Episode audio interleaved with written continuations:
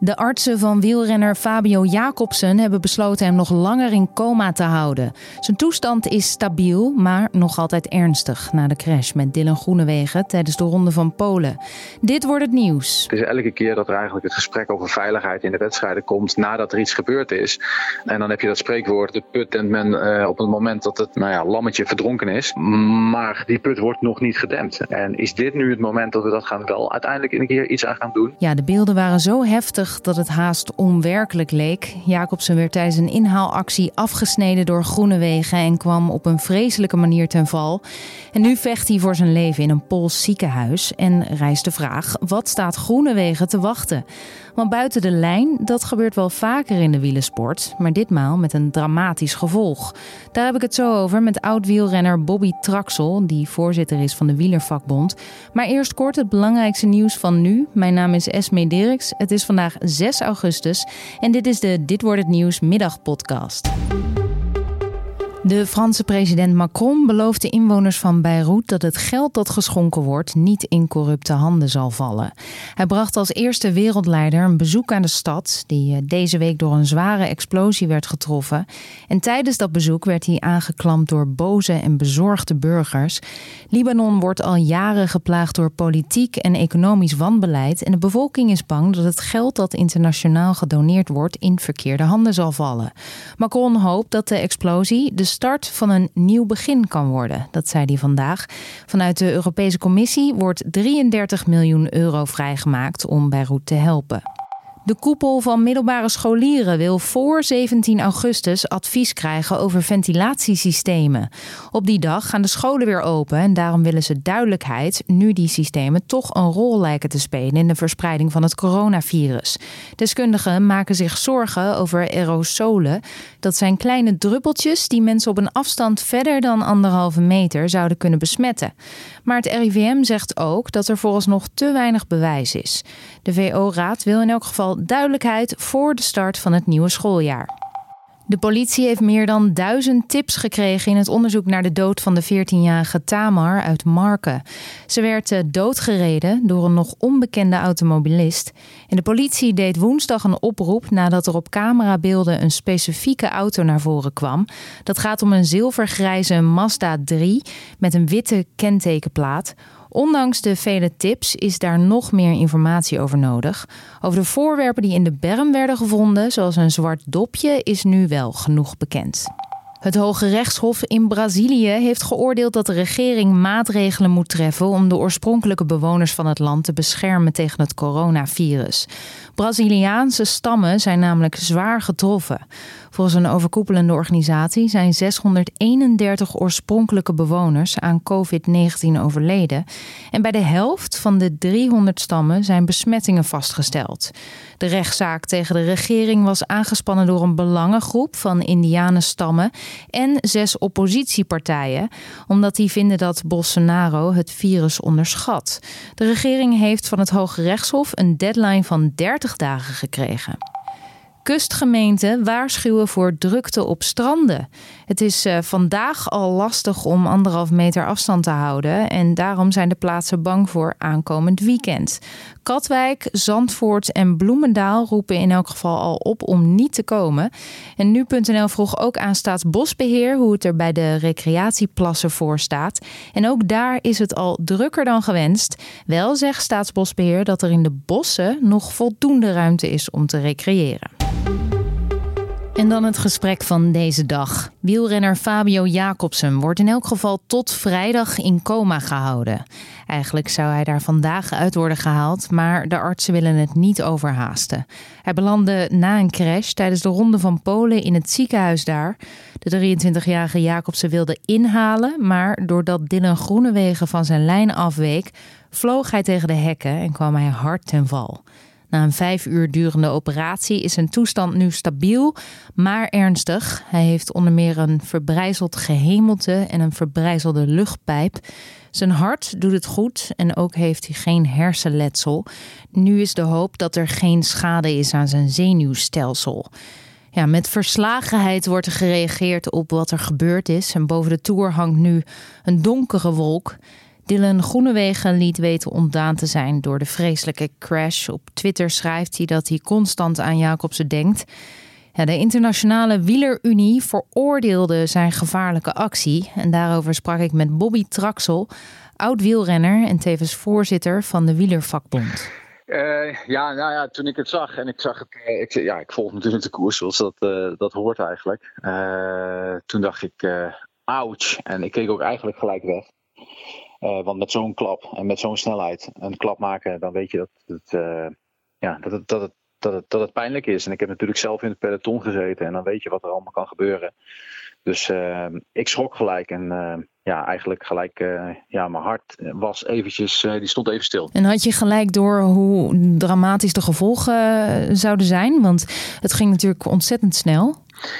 Ja, nou ja, met dit soort valpartijen inderdaad. En op deze manier waar hij naartoe vliegt, uh, dan weet je dat het gewoon uh, ernstig kan zijn. Uh, als je een bocht doorgaat en je glijdt weg en je komt niks tegen, dan weet je van nou oké, okay, schaafwonden en weer door.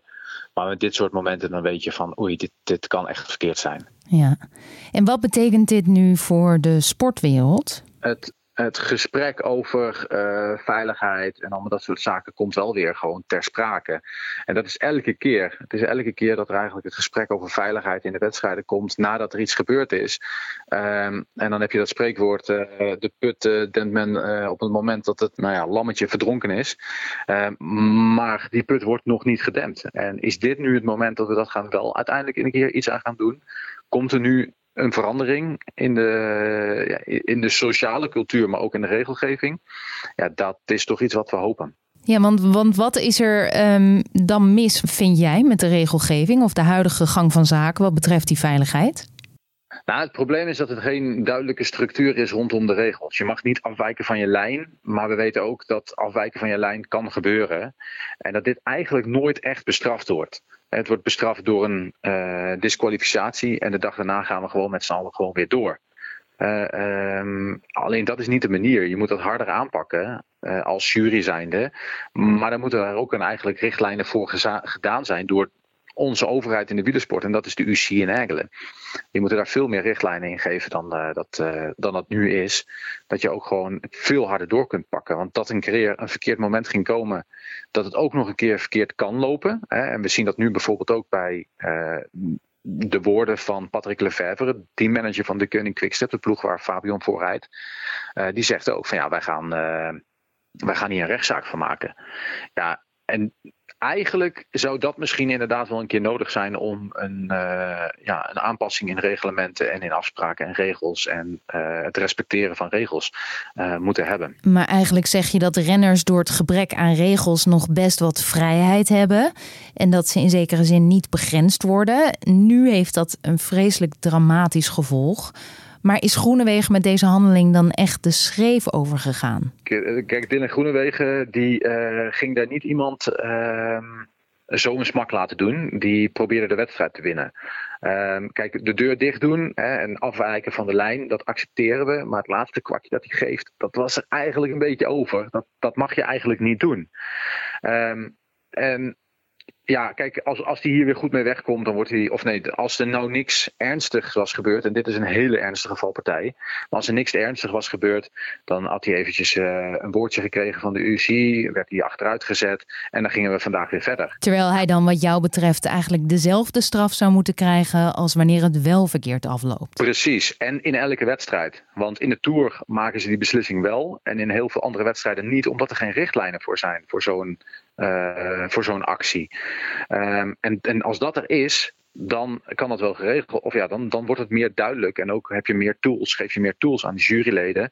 om hier direct een duidelijk antwoord op te geven. En ook gewoon altijd hetzelfde antwoord te geven op het moment dat er zoiets gebeurt. Maar jij hebt zelf ook op die fiets gezeten. Um, dat moment herken jij denk ik wel. Dat je, dat je wil winnen. En dat je, um, dat je dat misschien uit reflex iets doet. waarvan je rationeel wel weet: dit mag niet.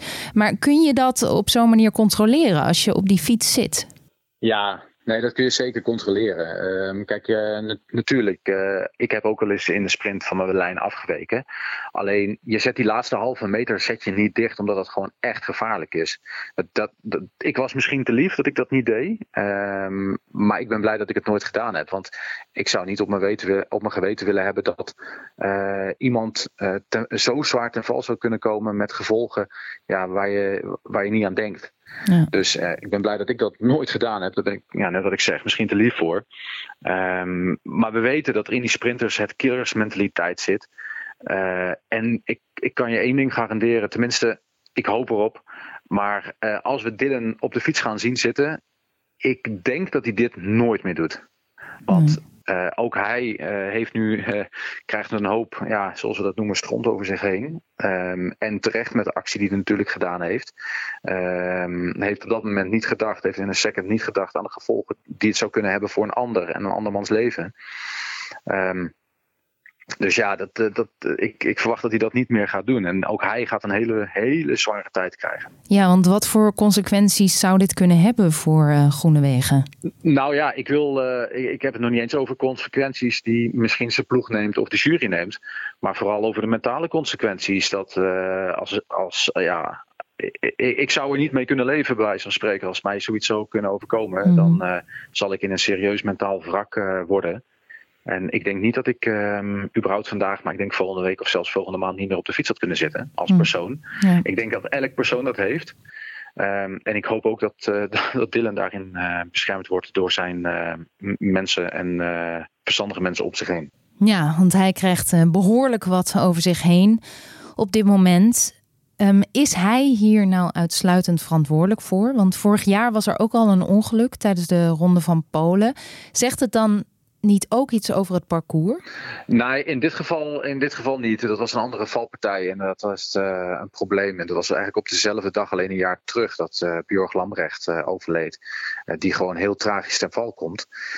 dat, is ook een ander, dat is weer een ander soort van veiligheid. Kijk, de veiligheid die waar we het hier over hebben, is renners onder elkaar en acties die je neemt die je zou moeten gaan bestraffen. En het andere punt is veiligheid in de koers. Uh, dat betekent het veiliger maken van de parcoursen, het veiliger maken, uh, ja, een betere regelgeving van wat doen we wel in de laatste kilometer bijvoorbeeld en wat niet. Natuurlijk, veiligheid van het parcours blijft altijd een discussie, zeker in Nederland ook. Want ja, het wordt gereden op een openbare weg. Uh, daar zijn obstakels die ja, 364 dagen dit jaar uh, van waarde zijn om mensen, slachtoffers in het verkeer te voorkomen.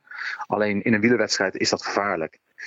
Um, en daar zoeken we altijd een balans uh, ja, voor de wielersport. Alleen dat is best wel lastig. Alleen dat gesprek, dat moeten we wel altijd aangaan. En uh, over het algemeen houden de Nederlandse organisatoren van wielerwedstrijden zich in ieder geval aan type dranghekken en al met dat soort zaken. Maar in dit specifieke parcours lag het dus niet? Nou kijk, uh, het parcours wordt gecontroleerd de dag of het moment daarvoor. Uh, maar er zijn eigenlijk geen regels. Hè. Uh, wij als Nederlandse vakbond samen met de Engelse vakbond hebben naar de CPA een soort van systeem gestuurd voor de laatste drie kilometer. Wat kan er wel, wat kan er niet binnen de laatste drie kilometer? Dat ligt dus op tafel bij de CPA, het internationale vakbond. Alleen wordt op, op heden nog niet overgenomen door de, uh, door de UCI in de reglementen. De aankomst die in Polen was, was niet echt helemaal netjes gemaakt. En dat had ik nooit bedacht. Het was eigenlijk na een dalende lijn, waardoor de snelheid naar 80 km per uur gaat. Ja, wij hebben gelukkig niet heel veel plekken waar, uh, erg een afdaling is dat de snelheden zo hoog oplopen. Ja, en misschien dat daar dan nog wel naar gekeken wordt. Want je zei aan het begin, het moet eigenlijk misgaan voordat er iets verandert. En zelfs dan is het nog maar de vraag of dat gebeurt. Waar ligt dat aan? Ja, er verandert niks, omdat eigenlijk het grootste probleem is dat uh, de wielrenners op dit moment niet goed gegroepeerd zijn binnen uh, internationale vakbond CPA. Dus de CPA is eigenlijk een vakbond wat geleid wordt door een aantal uh, nationale vakbonden. Waar de Nederlandse vakbond overigens niet bij betrokken is, omdat wij niet achter de, de, de zaken staan en de snelheid gaan, onder andere op veiligheid. Vandaar dat wij uit de CPA gestapt zijn. En het is zo verschrikkelijk belangrijk dat daar gewoon echt actie in komt. En dat de renners ook een keer opstaan. Kijk, renners denken heel vaak in het wielrennen, het is een individualistische sport, denken heel vaak individueel maar niet over de toekomst. En bijvoorbeeld misschien uh, de carrière van hun kinderen, als die eventueel beroepsrenner zouden worden. of renster. Ehm, en dat zouden ze eigenlijk een keer met elkaar wel moeten doen. Een keer naast elkaar gaan staan. Een keer zeggen: dit gaan we gewoon doen en anders gaan wij gewoon niet fietsen. Hm. Het staken op het moment dat er een onveilige situatie op de werkvloer is bij een gemiddeld bedrijf, wordt er gestaakt en wordt er gewoon niet gewerkt. Ja. En dit zijn ook omstandigheden. En ook de ploegen zijn daar mede verantwoordelijk voor. Um, jij geeft zo weer commentaar bij de Ronde van Polen. Um, met welk gevoel zit je daar dan zo meteen? Ja, dubbel. Um, we weten niet duidelijk. En je gaat gewoon met een heel, um, een heel moeilijk gevoel zo'n um, zo'n uitzending in. Omdat we nog steeds niet weten wat de grote gevolgen zijn. Uh, het lijkt stabiel met hem te gaan. Hij, uh, ja, dat is eigenlijk het enige. Maar we moeten echt afwachten wat voor gevolgen dit heeft op zijn lichaam, op hem als persoon, uh, op alle omstandigheden. Dus uh, ik ga daar inderdaad ook als wielrenner wel echt wel met een, met een krop in mijn keel eigenlijk die uitzending in. Dat was Bobby Traxel, oud wielrenner en voorzitter van de Wielervakbond. Dan het weer. De zon schijnt volop en het blijft voorlopig droog. De wind waait haast niet. Daarom is het op veel plaatsen tropisch warm met maxima van 30 tot 33 graden. Alleen op de Wadden en langs de westkust is het minder heet. Vanavond blijft het nog lang zo. Pas in de nachtelijke uren koelt het af tot een graad of 16. En morgen is het opnieuw zonnig en droog. Het wordt dan overal in de middag zo'n 31 tot 35 graden. En dan nog dit. Het is 75 jaar geleden dat Amerika twee atoombommen losliet boven Japan. Eén man overleefde beide bombardementen, Tsutomu Yamaguchi. Hij was op zakenreis in Hiroshima toen Little Boy de stad verwoestte en keerde na de ramp daar gelijk terug naar zijn woonplaats Nagasaki, waar drie dagen later een tweede bom werd gedropt. Pas op 90-jarige eh, leeftijd deelde hij zijn verhaal. En dat is een Japans spreekwoord en dat luidt: wat twee keer gebeurt, gebeurt ook een derde keer. Daar wilde hij voor waarschuwen. Je kunt zijn hele verhaal vinden via nu.nl. En dit was dan de middagpodcast van nu.nl. Dit wordt het nieuws. Mijn naam is Esme Dirks en ik wens je een hele fijne, tropisch warme avond.